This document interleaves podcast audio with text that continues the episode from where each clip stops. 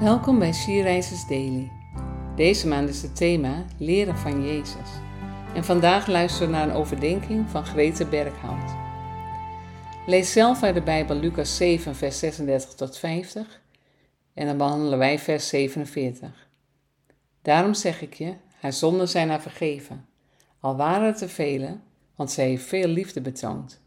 Maar wie weinig wordt vergeven, betoont ook weinig liefde.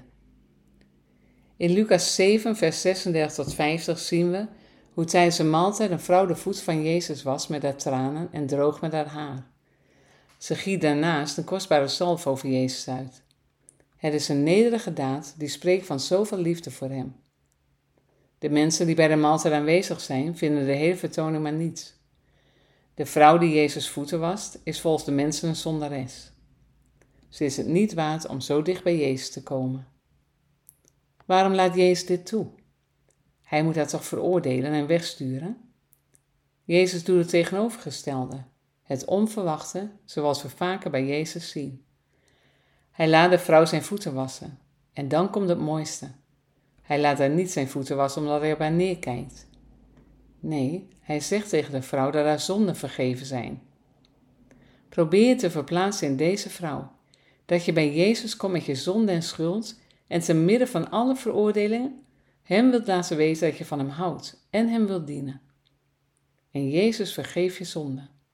Wat een vreugde en dankbaarheid geeft dat. En omdat jij weet wat echte vergeving inhoudt, kun je niet anders dan ook een ander vergeven, zoals Jezus jou vergeven heeft. Omdat Hij jou lief heeft, kun je niet anders dan Zijn liefde doorgeven en een ander ook lief hebben. Hoe geef jij Gods liefde door? Laten we samen bidden. Jezus, dank u wel dat u mij lief hebt en dat u mijn zonde wilt vergeven.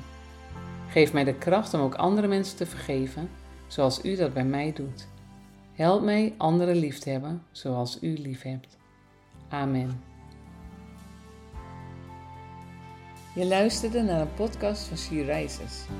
She Rises is een platform dat vrouwen wil aanmoedigen en inspireren om in hun christelijke identiteit te staan en van daaruit te delen met de wereld.